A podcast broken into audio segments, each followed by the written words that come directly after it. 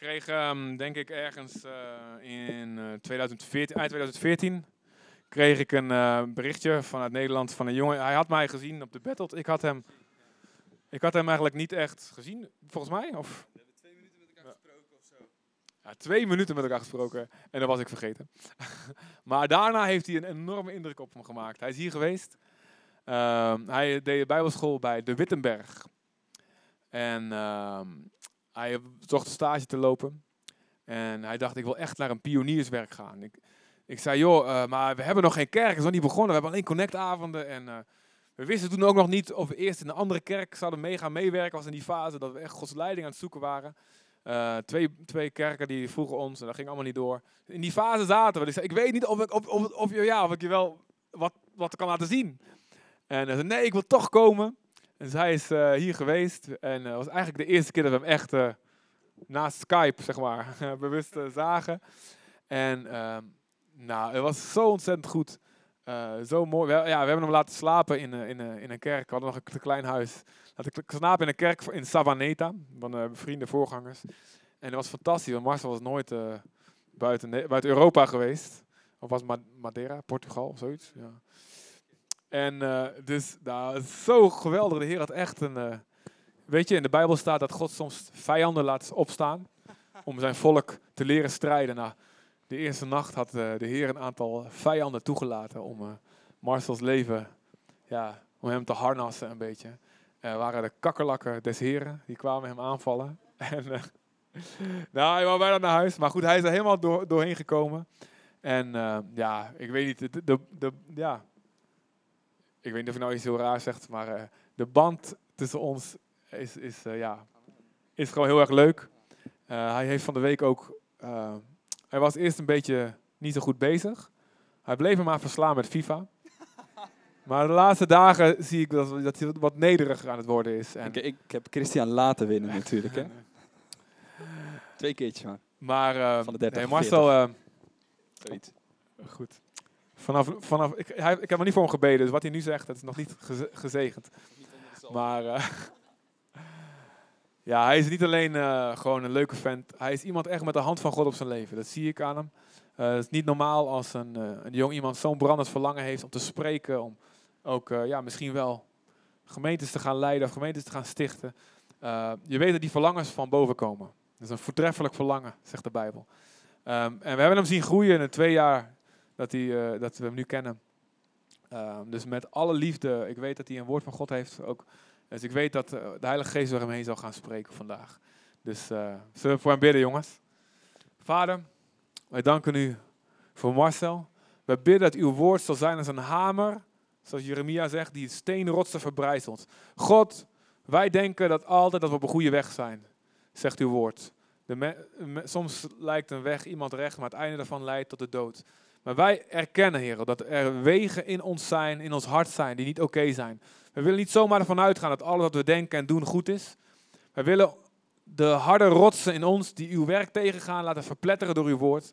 En het sterke in ons, Heer, wat goed is, gaat in ons, willen we laten voeden, Heer, door uw woord. In de naam van Jezus, kom met kracht, Heer. Kom met de kracht van uw Heilige Geest. Heer, en bevestig uw woord in ons hart met geest, met vuur. Heer, laat het zijn als Pinkster. Heer, dat uw wind hier binnenkomt en ons hart in de fik zet. In de naam van Jezus. Zegen Marcel, ik dank u wel dat hij gekomen is, dat hij de autoriteit van u gekregen heeft om te spreken met kracht, met vuur, met gezag. Heer, en dat u, Heer, door hem heen stroomt als levend water. In de naam van Jezus. Amen. Yes. Mag ik even voor je langs? Thanks. Je moet een beetje ruimte hebben om te lopen natuurlijk. Kijk, zo gaat het wel goed. Goedemorgen, bon dia. Jullie mogen best reageren. Jullie zijn Arabanen, toch? Oké, oké. In het kerkje in, in Savaneta, waar ik toen aan het spreken was, dan was het allemaal... eh, als ik dan een goed woord zei, dan was het preach it white boy. Of dan gingen ze op de stoelen staan en dan gingen ze roepen en amen. Dus ik verwacht dat ook wel een beetje voor jullie vanavond, als het goed is natuurlijk. Jullie mogen best reageren. In Nederland is het altijd zo, iedereen zit rustig en jullie denken allemaal amen in je hart en zo. Allemaal heel mooi. Het is echt een voorrecht om hier te zijn. Het is voor mij zo bijzonder om te zien wie jullie zijn. Dat jullie een gemeente zijn geworden, dat jullie een familie zijn geworden. Wat Christian zei twee jaar geleden. Ja, ik kwam met een kleine connectgroep hier samen met een mannetje of tien of zo. En het is echt de zegen van God dat jullie nu in dit gebouw mogen zijn met zoveel mensen. Dat er uh, connectgroepleiders zijn, dat er veel leiders aan het opstaan zijn, dat er mensen zijn die, die willen dienen bij het kinderwerk en hun hele hart en hun hele leven aan het geven zijn. Het is echt een voorrecht om bij jullie te mogen spreken, juist hier. Het is een voorrecht om bij Christian en Nathalie te zijn. Het is echt heel bijzonder, de band die we hebben. Um, het was al zo de eerste keer dat we skypten, we hadden meteen een hele bijzondere connectie. Het was echt iets van God.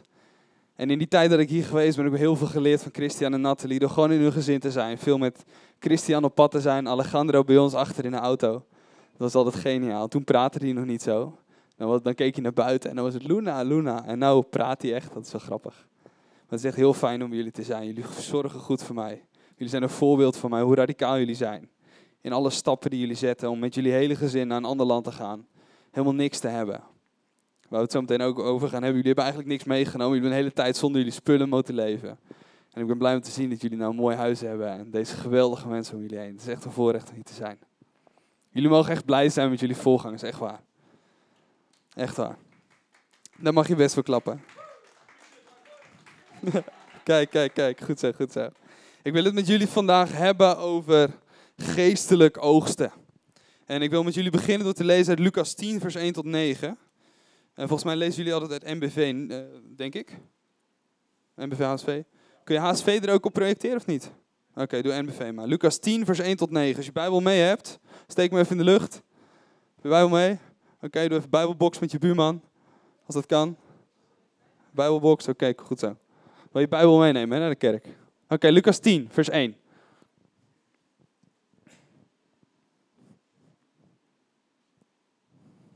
Wacht even tot iedereen gevonden heeft.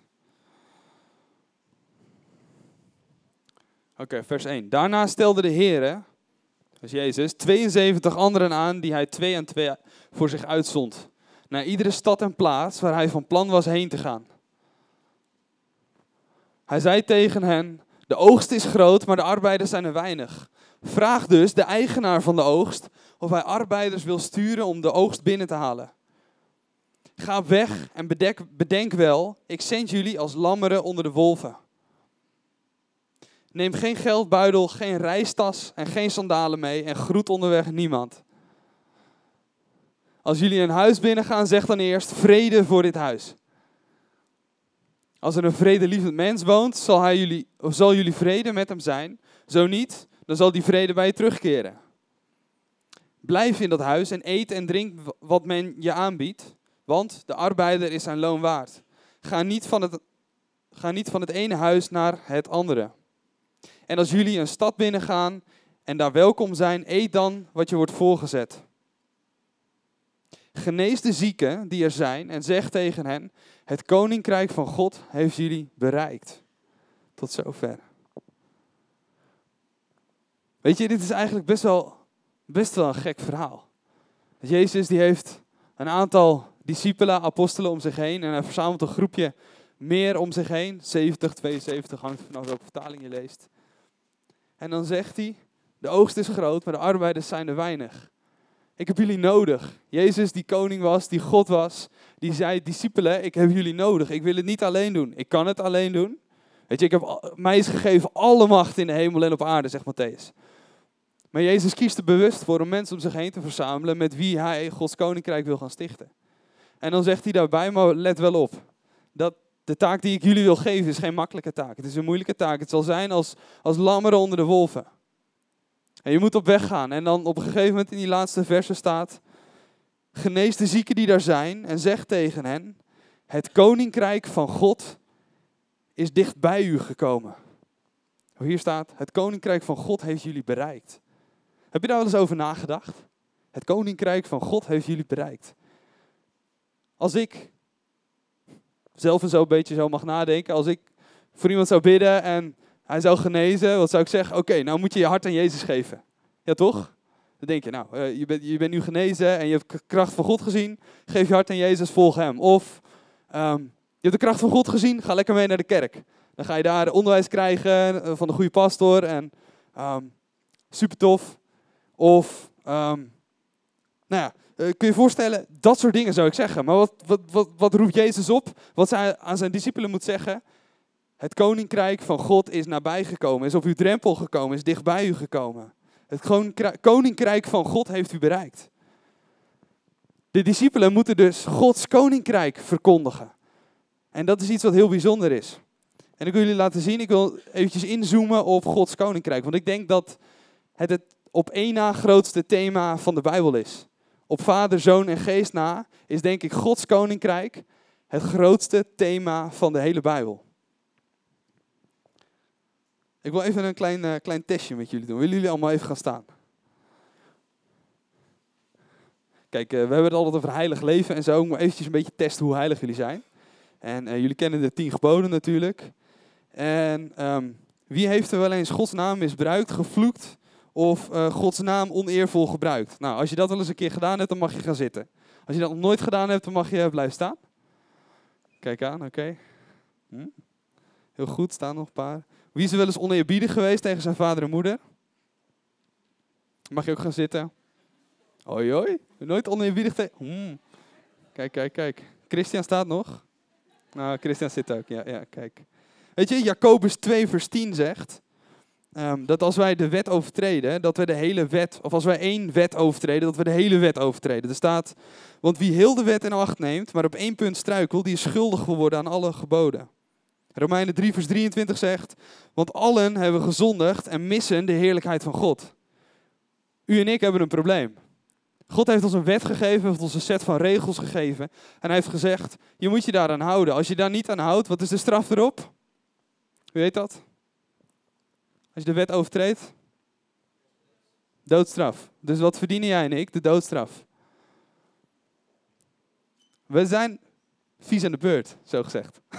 We hebben een probleem, ja toch? Maar er is een oplossing. Romeinen 6, vers 23 zegt dit. Het loon van de zon is de dood, maar het geschenk van God is het eeuwig leven in Christus Jezus onze Heer. Wil je even projecteren? Romeinen 6, vers 23. Het loon van de zonde is de dood, maar het geschenk van God is het eeuwig leven in Christus Jezus onze Heer. Zie je? De mens God heeft de mens zeer goed geschapen. Hij heeft de schepping goed gemaakt. Het was goed toen, toen, toen God dat gemaakt had. Het was perfect. Het was zoals hij bedacht had. Alleen hij gaf de mens een, een, een keuze om voor God of tegen God te kiezen. Een keuze om wel of niet die vrucht van die boom te eten. En de mens koos ervoor, jij en ik, u en ik kozen ervoor om ons niet aan de wetten en de regels te houden.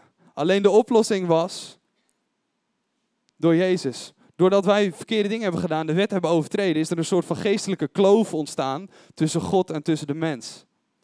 God die zei zelfs, als jij van die vrucht zal eten, u zult voorzeker sterven. Ja toch, staat in Genesis.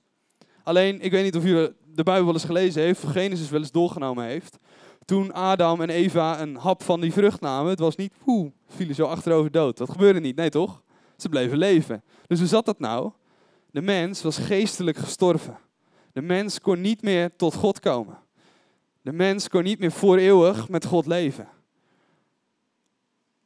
En toen bedacht God een plan door het volk Israël. En uiteindelijk zond hij zijn zoon Jezus, die als een soort van brug fungeerde. Tussen de kloof tussen mens en tussen God. Zodat de mens weer naar God toe kan gaan. En zoals hier staat in Romeinen 8, of Romeinen 6, wil je nog even bijhouden. Het geschenk van God, dat is wat wij gratis krijgen, wat we niet kunnen ontvangen, wat we niet kunnen kopen. Het geschenk van God is het eeuwig leven in Christus Jezus onze Heer. Weet je, doordat Jezus voor ons gestorven is, Hij die perfect was, onze zonde op zich nam, kunnen wij weer in de hemel komen. Amen? Amen? Ja? Oké, kijk. En dit lijkt wel een beetje op het evangelie, is het niet? En ik denk dat heel veel mensen zijn die dit, deze tekst zien als het evangelie. Ik ben slecht, ik heb gezondigd, God is goed. Jezus is voor mij gestorven. En doordat ik dat beleid, doordat ik dat geloof, mag ik weer naar de hemel. En dat is mooi als je dat denkt. En als je, als je dat nog niet gelooft, vandaag is de dag om jouw redding zeker te stellen. Om er zeker van te zijn dat jij gered zult zijn. Alleen ik denk dat het evangelie veel verder gaat dan alleen naar de hemel toe gaan. Want waarom zijn wij hier anders nog? Weet je, Het evangelie is niet een reddingsplan van Jezus die hier naar de aarde komt om mensen op te halen om meteen naar de hemel te gaan. Het is meer het voorbereiden op een gigantisch feest, op een bruiloft. En, de, en God is de gemeente, de kerk van de wereld aan het klaarmaken voor een gigantisch feest. Het is niet zo dat als jij gered bent, dat je opeens ingestraald wordt naar de hemel. Dat zou wel lachen zijn eigenlijk. Weet je wel? Oké, ehm, je gelooft in God en je wordt zo, hoep, zo ingestraald, in de hemel weg. Maar dat is niet het geval. Het evangelie is veel breder dan alleen dat wij naar de hemel kunnen gaan. Het is veel meer dat Jezus koning is. Het gaat veel meer over het koninkrijk. Het gaat veel meer over het koningschap. En als je dat gaat zien, dat Jezus koning is, dan gaat je leven er heel anders uitzien. En ik wil eigenlijk even een paar teksten met jullie door. En je hoeft hem niet op de beamer te zetten, want het zijn er een aantal. Om te zien dat Jezus niet alleen voorgesteld wordt als redder. Jezus is uiteraard een redder. Hij is een verlosser. Door hem mogen we naar de hemel gaan. Halleluja. Alleen Jezus wordt in de Bijbel vooral voorgesteld als een koning. Weet je, bijvoorbeeld Exodus 15, vers 18. Dat is vlak nadat um, de doortocht door de Schelfzee, weet je wel.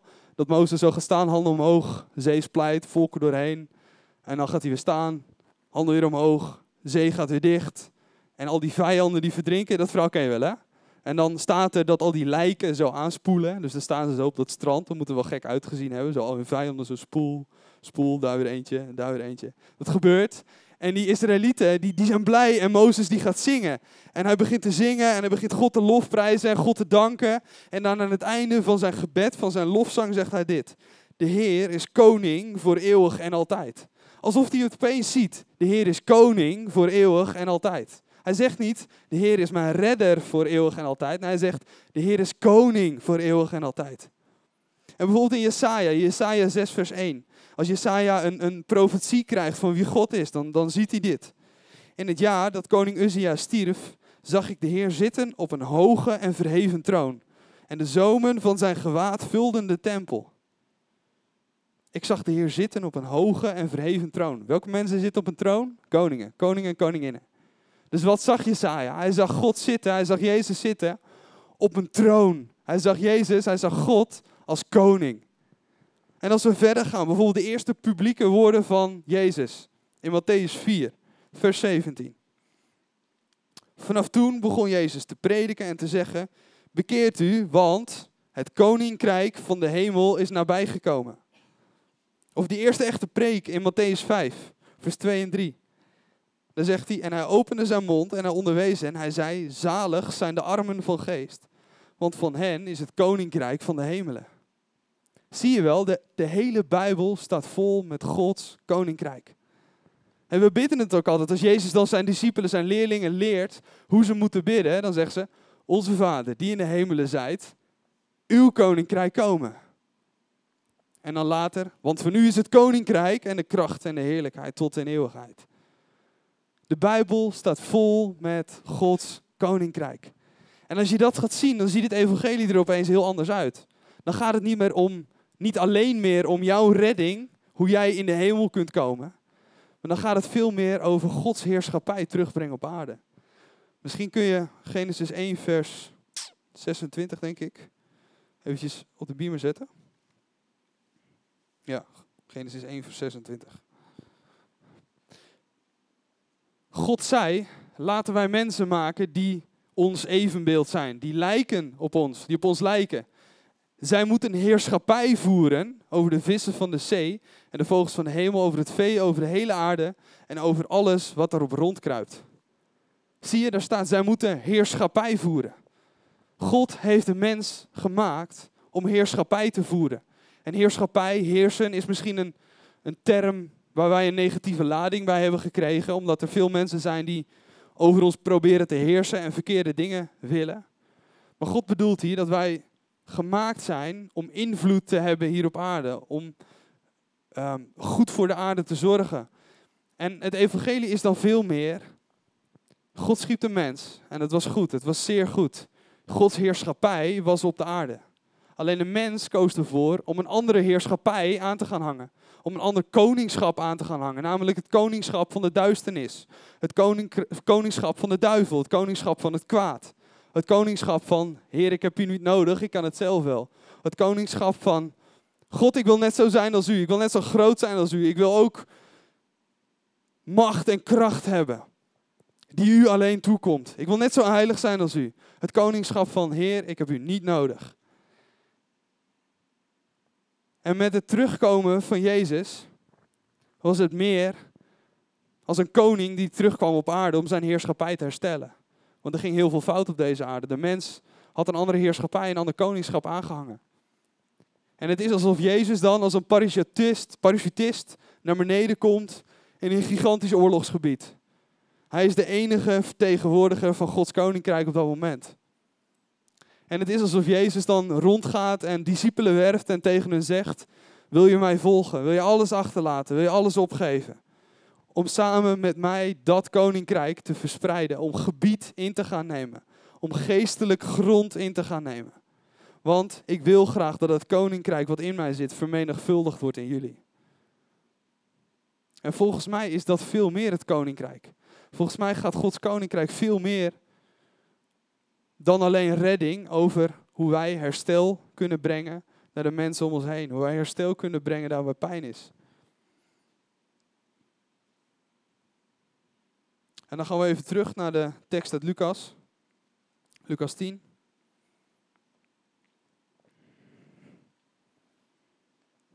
Lucas 10 vers 2.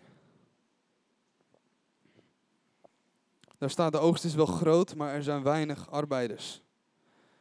Jezus die heeft het hier niet over een oogst met graan of een oogst van, van aardappels of, of oogst van aloe vera, wat ze hier op Aruba hebben. Nee, Jezus heeft het hier over een geestelijke oogst. En ik denk dat deze tekst veel meer inzicht krijgt in jouw leven als jij snapt dat jij niet voor jouzelf hier nog op aarde bent. Weet je, het is Jezus in jou is de hoop van deze wereld. Jezus in jou is het licht wat gaat schijnen in de duisternis. Het is nooit bedoeld Jezus in jou, altijd blijvend in jou, nooit komend uit jou. Het is niet bedoeld als een meertje, weet je wel, wat zo stil staat, een beetje kabbelt misschien. Nee, Jezus die heeft het over rivieren van stromen van levend water, wat uit je binnenste naar buiten zou komen. Dat is bedoeld met Jezus in jou. De vraag niet zou, zou niet moeten zijn of wij wil naar de hemel gaan, maar de vraag zou moeten zijn of wij wel genoeg van Gods hemel, van Gods hemel hier op aarde gaan brengen. Het kruis heeft een, een verticale balk. Waar staat hij? Hier. De relatie met God is hersteld. Wij kunnen weer tot God komen. We kunnen hem zien, we kunnen hem voelen, we kunnen hem ervaren. We kunnen zijn woorden horen. Alleen, niet alleen de relatie met God is hersteld, maar ook de relatie met de wereld. De relatie met mensen om ons heen. En dan komen u en ik, jij en ik, die komen in dat plan voor. God zegt dan, de oogst is groot, maar de arbeiders zijn er weinig. Wil jij meewerken? Wil jij meehelpen die oogst binnen te halen? En die oogst is zo groot, ik kan het alleen niet alleen. Jezus is teruggevaren naar de hemel. Hij heeft zijn heilige geest gegeven, die in u, in mij woont. Om te schijnen, om te laten zien van Gods liefde.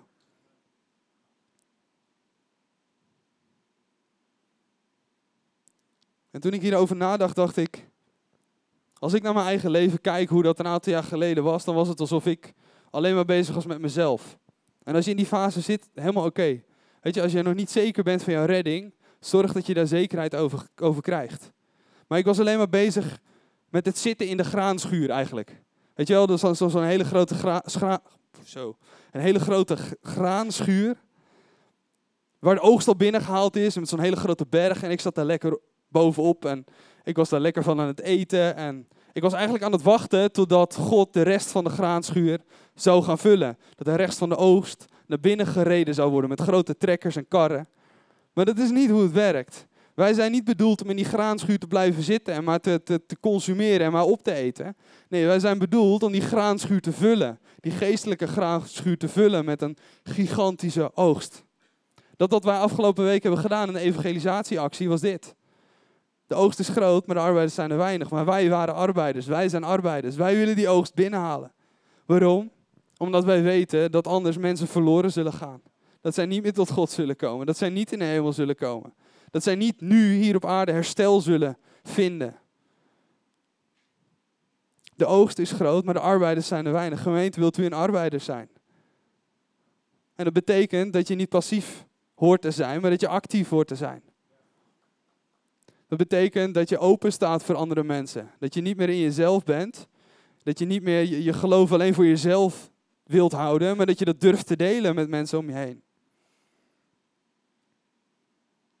Weet je gemeente, jullie zijn bedoeld om het zout van de aarde te zijn, het licht van deze wereld. Lucas 14, vers 34.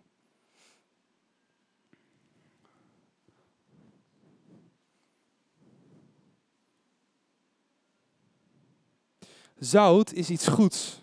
Maar als ook het zout zijn smaak verliest, hoe kunnen we het dan zijn kracht teruggeven? Vers 35. Ook voor de bemesting van de grond is het niet meer bruikbaar. Dus wordt het weggegooid. Wie oren heeft om te horen, moet goed luisteren. Weet je, het zout werd gebruikt, net als vandaag, als smaakmaker voor eten. Als je een beetje zout bij je eten gooit, dan smaakt het wat beter. Um, en zo zijn, zijn u en ik bedoeld om smaakmakers te zijn in deze wereld. Daar waar de wereld lauw is geworden, daar waar de wereld flauw is geworden, waar geen smaak meer aan zit, zijn u en ik bedoeld om als toevoeging weer smaak terug te brengen in deze aarde. En je hebt geen bergen zout nodig. Je hebt geen kilo zout nodig per kilo pasta. Dat gaat niet goed. Je hebt soms maar een heel klein beetje zout nodig om een gerecht weer smaak te geven. Met datgene wat jij hebt, hoe klein het ook is, jij kunt smaak teruggeven aan deze smakeloze wereld. Maar daarbij houdt het niet op. In deze brief staat ook dat zout gebruikt wordt voor bemesting. Nou doen we dat volgens mij op dit moment niet meer. Ik weet niet of, of Frits dat nog doet, zout gebruiken voor bemesting. Maar in zout zitten mineralen. En vooral dat zout wat uit die zee kwam, dat werd toen vooral gebruikt ook als, als uh, fertilizer, als, als uh, soort van kunstmest om um, uh, dingen te laten groeien. Maar het werd ook gebruikt om menselijke ontlasting te, te ontsmetten. Dus waar jullie en ik voor gemaakt zijn, is om dingen te laten groeien. In ons zitten voedingsstoffen, in ons zitten mineralen, waardoor planten zullen groeien. En wij zijn gemaakt om dat wat ontsmetting nodig heeft, te ontsmetten. Daar waar onrecht is, zijn wij gemaakt om recht te brengen. Daar waar pijn is, daar zijn wij gemaakt om herstel te brengen. Daar waar verdriet is, zijn wij gemaakt om vrede te brengen. U bent gemaakt om als ontsmettingsmiddel voor deze wereld te zijn. De arbeiders, of de, de oogst is groot, maar de arbeiders zijn er weinig. Wilt u samen met God, samen met Jezus, gaan oogsten. En dan lezen we verder in, in Lucas, het, tweede vers. Even kijken hoor, dat is vers 3. Lucas 10 weer.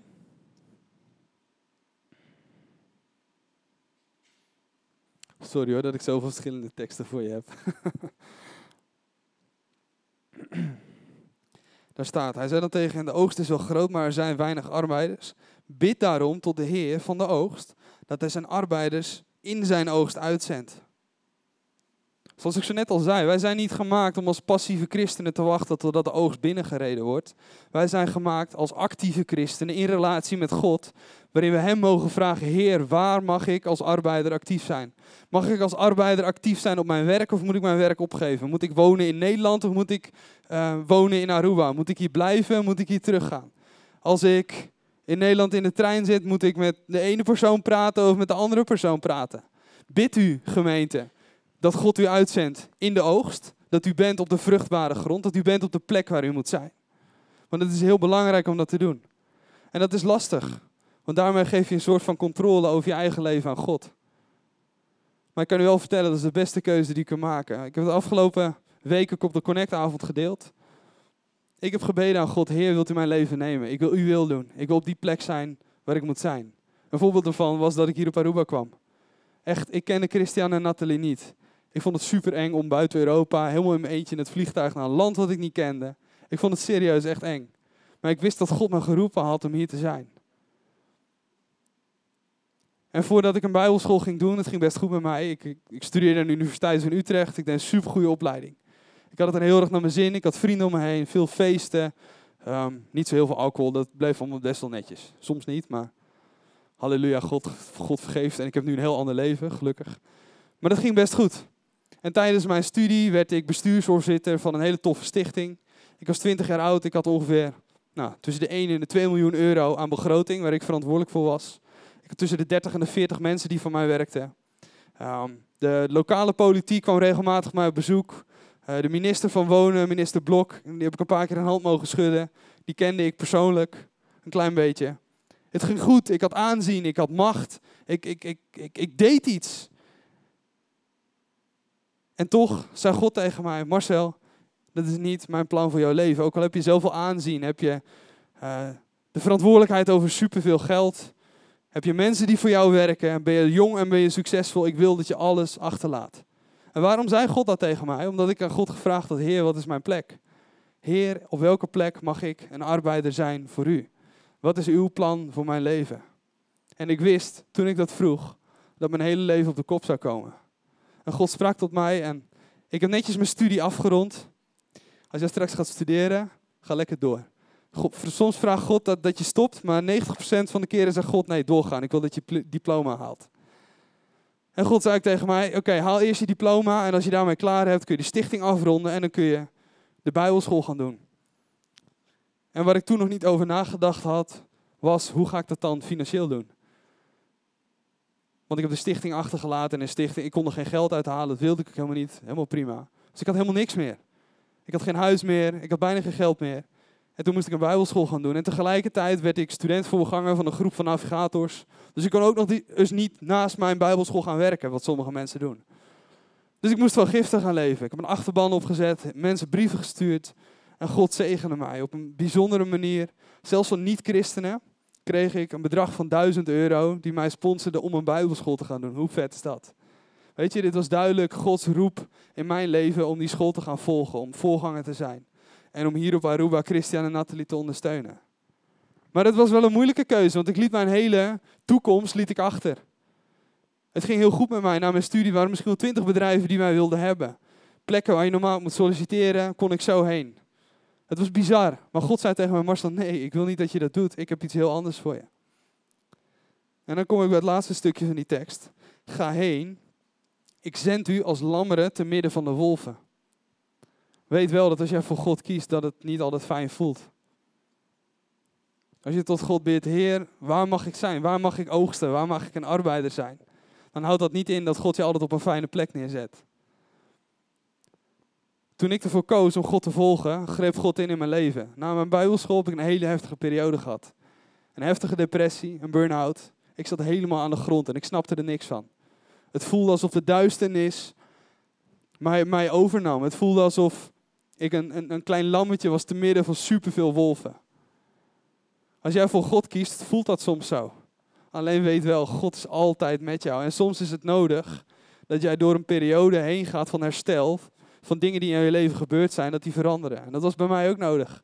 Dingen die in mijn jeugd verkeerd waren gegaan, waar ik nog last van had, die ik nu achter mij mag laten. Ik moest opeens van een bijbelschool, ik dacht, de wereld ligt voor me open. Ik ga nu volledig God dienen. Ik ga een kerk stichten of ik, ik, ik ga ergens volganger worden of jeugdleider. En God leidde mij door een depressie heen. Weet je hoe heftig dat is? Weet wel als je voor God kiest om als arbeider voor Hem te leven. Dat het soms lijkt alsof je een lammetje te midden van de wolven bent. Maar ik geloof dat God een goede herder is. Amen. Jezus is een goede herder. Hij zorgt voor zijn schapen. Jezus heeft altijd voor mij gezorgd. Daar waar het moeilijk is, hij heeft de oplossingen bedacht. Daar waar ik pijn had, daar heb ik de verlichting gekregen.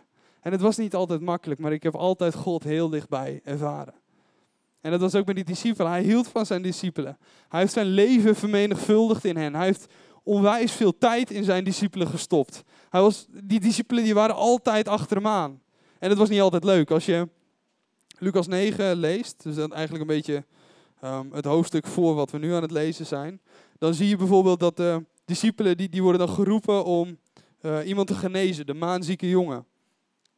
En dat lukt dan niet. Dus die discipelen die leggen de handen op en ze bidden genezing uit in de naam van Jezus. En dat gebeurt niet. En dan raakt Jezus een beetje gefrustreerd van wat zijn jullie toch kleingelovig. Weet je, Jezus heeft zichzelf proberen uit te storten in zijn discipelen. Het heeft hem moeite gekost. Het heeft hem energie gekost. Het heeft hem tijd gekost.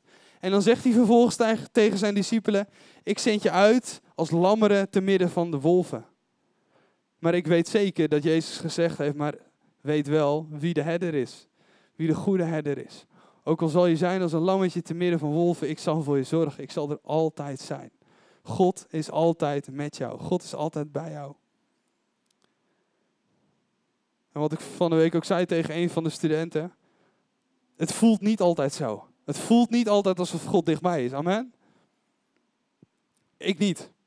Maar het is een weten. Het is een overtuiging dat God altijd dichtbij is. Je moet je niet altijd laten leiden door je gevoel. Je moet je niet leiden door die dingen die in het verleden gebeurd zijn. Je moet je laten leiden door Gods woord. Je moet je laten leiden door wat Jezus aan het kruis heeft gedaan. En als je je even niet goed voelt, als je God dichtbij, of God niet dichtbij voelt, maar God ver weg ervaart, bedenk dan wat Hij voor jou aan het kruis gedaan heeft. Bedenk dat Hij teruggekomen is. Bedenk dat Hij zijn Heilige Geest aan jullie gegeven heeft. En als je dat gaat zien, dan gaat deze tekst opeens een hele andere context krijgen.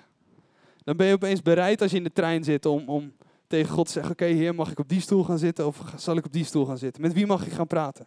En dan kom je opeens in gesprek met mensen. En dan stop je opeens niet daar waar normaal iemand zou stoppen, maar dan ga je door. Een voorbeeld daarvan is, een tijdje geleden hadden we een jongerendienst in mijn kerk. Ik denk dat er een man of 500, 600 tieners waren.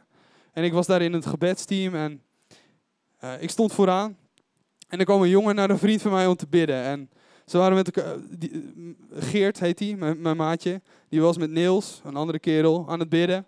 En op een gegeven moment in gebed was Geert me aan het wenken van Marcel, kom. Dus ik ging naar uh, Niels toe, samen met Geert, om voor hem te bidden. Maar er was net even iets aan vooraf gegaan. Ik had vlak daarvoor samen met een vrouw voor een meisje gebeden. En ik dacht dat God mij een profetie gaf. Over hoe haar thuissituatie eruit zag en wat er gebeurd was in haar leven. En dat God daar herstel in wilde brengen. Dus ik dacht, halleluja, God geeft me een beeld. God, eh, weet je wel, dat spreek ik uit. Dus ik zeg dat zo tegen dat meisje. En dat meisje dat kijkt me zo aan alsof ze water ziet branden. Ze zegt, nee, daar klopt er helemaal niks van. Zeg, oké, sorry. Soms zegt God iets tegen mij, maar snap ik het niet helemaal of begrijp ik het verkeerd. Maar ik had het wel uitgesproken. Maar ik was toch ook wel een beetje gefrustreerd. Ik zeg, heer, waarom, waarom moest ik hier nou aan denken? En, en hoe kan het nou dat u mij een beeld geeft, of dat ik dacht dat u mij een beeld gaf, maar dat het niet klopte? Maar goed, ik ging door, voor het meisje gebeden. En toen ging ik naar Niels toe. En toen kreeg ik weer een beeld. En toen ging ik over die jongen profiteren. Ik profiteerde over hem dat hij niet afgewezen was, dat God dichtbij was. Dat God hem herkende als zoon. En wat was nou zo? Ik heb echt, ik denk wel tien minuten over hem geprofiteerd. En die jongen die kwam een week later naar mij toe en zei, Marcel, als je dat niet gezegd had, dan was ik gestopt met het volgen van Jezus. En die jongen is nou een van mijn discipelen. Hij, als je dat zo kan noemen, hij gaat veel met mij op pad. Als ik naar spreekbeurten ga, zit hij bij mij in de auto. Hij is net vandaag, een paar uur geleden, teruggekomen uit Roemenië. Om daar bij een christelijke stichting eten uit te delen aan de armen. Om huizen te bouwen voor mensen die geen geld hebben. Uh, om te spreken in kerken. Die jongen is onwijs gegroeid in zijn relatie met God. Hij zat op onze Bijbelschool Roy Mission. Hij is van die school afgestuurd. En hij voelde zich enorm afgewezen. En door de woorden die God op mij sprak, mocht ik woorden van leven spreken in zijn leven. En het is niet door mij, maar door God dat hij zo gegroeid is. Maar ik vraag me wel af wat er gebeurd was als ik die woorden niet gesproken had. Zoals hij zelf zei, Marcel, als je dat niet gezegd had, was ik gestopt met het volgen van Jezus. En het voelde voor mij alsof ik een lammetje was te midden van die wolven. Ik had er net daarvoor had ik gebeden voor een ander meisje en dat beeld dat ik kreeg, daar klopte dus helemaal niks van. Maar wat was er gebeurd als ik toen had gezegd, oké heer, ik ga wel voor hem bidden, maar ik ga niet meer luisteren naar wat u te zeggen hebt. Weet je, dat de dingen in jouw leven niet helemaal goed gaan, dat jij Gods stem niet altijd goed verstaat. Geef niet op, hou vol. Want God wil wel tot jij spreken. En misschien is het eerst in het kleine om het vervolgens in het grote te kunnen doen. Maar God is een God die dichtbij is. God is een God die niet stil is, maar aanwezig is. God is een God die spreekt tot jou en die tot jou wilt spreken. De, of de oogst is groot, maar de arbeiders zijn weinig. Wil jij een arbeider zijn? Wil jij God bidden dat jij op de juiste plek zal zijn? En dat voelt soms alsof je een lammetje te midden van de wolven bent. Een ander verhaal van iemand uit ons team, Elko heet hij. Elko is makelaar. Hij verkoopt huizen in Nederland. Hij heeft echt super veel huizen in Veenendaal. Echt, echt de helft van de huizen die te koop staan zijn van hem, geloof ik. Het gaat goed met hem. En er werkt ook heel veel mannen op zijn kantoor, heel veel uh, secretaresses en een aantal makelaars. En zij kregen regelmatig telefoontjes binnen van mensen die gescheiden zijn, die bij hun dan een huis te kopen hebben, en die dan zeggen, hé, hey, heb jij toevallig contact gehad met mijn ex-vrouw, want ik kan haar niet bereiken dat, dat is heel normaal. En Elko zegt, nou, normaal dan zeggen we daar lekker niks over en dan zoeken ze dat met z'n tweeën maar uit. Maar er kwam weer zo'n telefoontje binnen. Er was een, een, een man die zei van, hey, ik, ik kan mijn vrouw, mijn ex-vrouw kan ik niet bereiken. En hebben jullie contact met haar gehad? Weten jullie waar ze is? En toen heeft Elko een beetje gezegd, nou, daar gaan wij niet over, dat moet je zelf maar uitzoeken. Maar hij zag het als een roep van God. God sprak tot hem op dat moment, je moet er nu naartoe gaan. Nu, op dit moment. Dus hij heeft zijn werk laten vallen. Hij is naar zijn vrouw toe gereden, zijn vrouw in een auto gezet. Ze zijn naar het huis gegaan waar die vrouw zou wonen. En toen ze daar aankwamen aanbellen en kloppen op de, op de ramen en zo. En niemand deed open. Alle gordijnen en zo zaten dicht. En ze vertrouwden het totaal niet. Totdat Elko door uh, de, de spijlen van een, van een gordijn zo heen kon kijken. En dan zag hij een vrouw op de grond liggen. En hij zag dat haar benen, die waren al helemaal van plastic. Hij zag, er ligt een lijk. Nou, meteen 1 en 2 geweld in de hoop dat het toch niets kon. Dus de brandweer die hebben die deuren opengeschopt. Ze zijn naar binnen gegaan. En ik weet niet precies wat er toen gebeurd is. Maar ik weet wel, na vijf minuten was er opeens een ambulancebroeder die zei...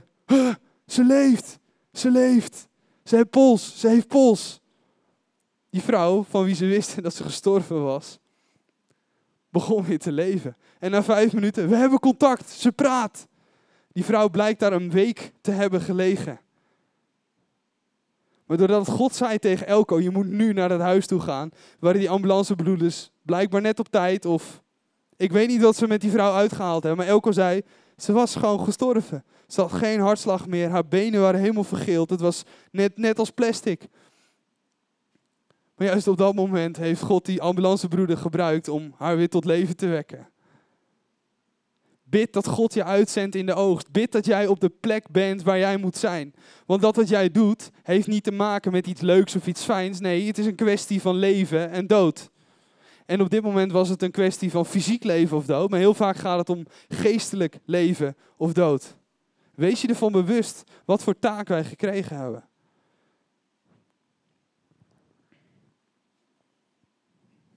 En ik wil eigenlijk een beetje gaan naar het einde, dus misschien dat we zo nog een lied kunnen zingen.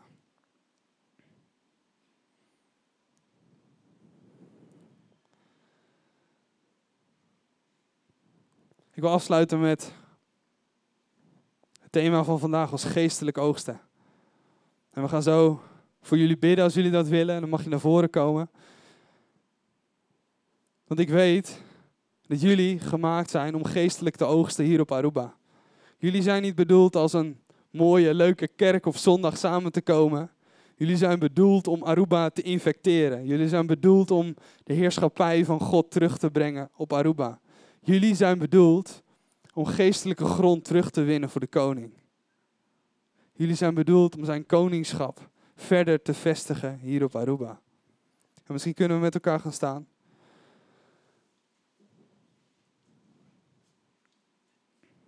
Weet je, we leven in vijandelijk gebied. Jezus noemt zelf de duivel de vorst van deze wereld, de koning van deze wereld.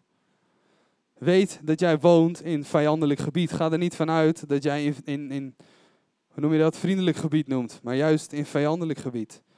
En God zegt, God roept jou om een arbeider te zijn, om oogst binnen te gaan halen. Maar dat kun jij niet zelf, dat kan ik niet zelf. Uit mezelf, ik kan niks. Uit mijzelf komt niks voort, niks goeds voort, alleen maar slechte dingen. En ik heb God nodig, die me daarmee helpt. Weet je, je hebt de Heilige Geest nodig. Jezus die zei, het is goed dat ik ga, zodat er ruimte komt voor de parakleed. Johannes 14, vers 12 zegt dat wij zelfs meer zullen kunnen doen dan Jezus heeft gedaan. Waarom? Omdat de Heilige Geest in ons woont, omdat de Heilige Geest over ons komt. En in Marcus 16, vers 16, kun je die opzoeken op de beamer? Daar staat het volgende. Dank je.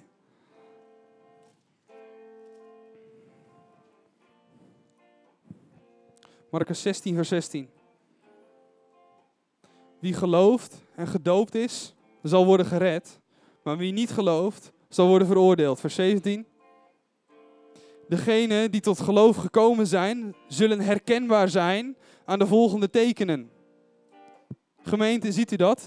Als je gelooft, dan zul jij herkenbaar zijn. Waaraan? Aan deze tekenen. In mijn naam zullen ze demonen uitdrijven. Ze zullen spreken in onbekende talen. Volgende vers. Met hun handen zullen ze slangen oppakken als ze een dodelijk gif drinken. Zal het hun niet deren. En ze zullen zieken weer gezond maken door hun de handen op te leggen. In mijn vertaling staat, en zij zullen de handen opleggen en zij zullen gezond worden. God heeft ons een heilige geest gegeven voor onszelf. Een heilige geest die in ons brandt, die wegbrandt wat niet van God is. Maar God heeft ons ook een heilige geest gegeven, waaraan wij herkenbaar zijn. Een heilige geest, waardoor wij wonderen kunnen doen, waardoor wij tekenen kunnen doen. 1 Korinthe 4 zegt, maar Gods koninkrijk is niet van woorden, maar van kracht. Als jij een arbeider wilt zijn voor Jezus, heb je kracht nodig.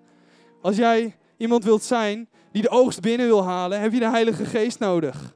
Je hebt kracht nodig om demonen uit te werpen. Je hebt kracht nodig om, om gezondheid uit te bidden over iemand die ziek is. Je hebt kracht nodig om Gods licht te brengen in zijn duisternis. En als dat voor jou is, dan wil ik vandaag voor jou bidden. Als jij zegt, ik wil een arbeider zijn voor Jezus. En ik, Jezus, ik heb uw Heilige Geest nodig. Dan is dit het moment. Ik geloof dat we als een soort van, van, van overbrenging Gods Heilige Geest op mensen mogen leggen. En natuurlijk, als je gelooft in Jezus, heb je de Heilige Geest ontvangen. De Heilige Geest die in jou woont. Alleen, de Bijbel spreekt niet alleen over de, over de vrucht van de Geest, maar ook over de gaven van de Geest. De Bijbel spreekt niet alleen over de Heilige Geest in ons, maar hij spreekt ook over de Heilige Geest op ons en over ons. God wil jou vandaag bekleden met kracht.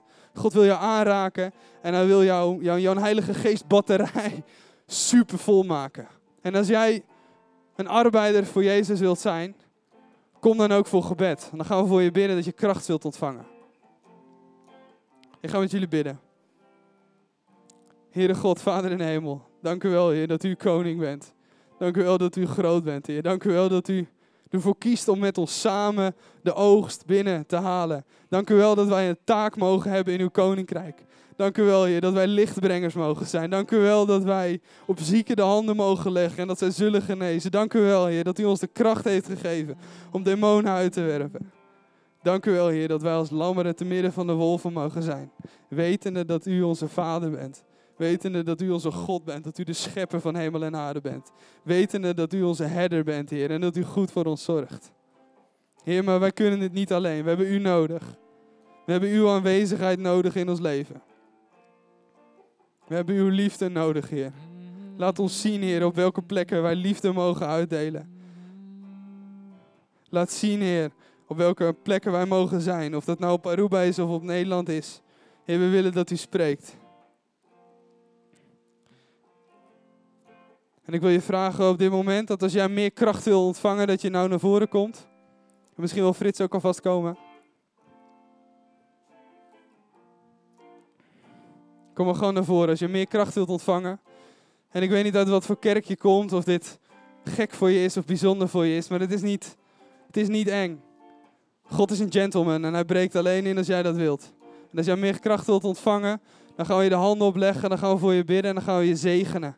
Dat God altijd met je zal zijn, dat je zijn heilige geest mag uitstralen aan de mensen om je heen.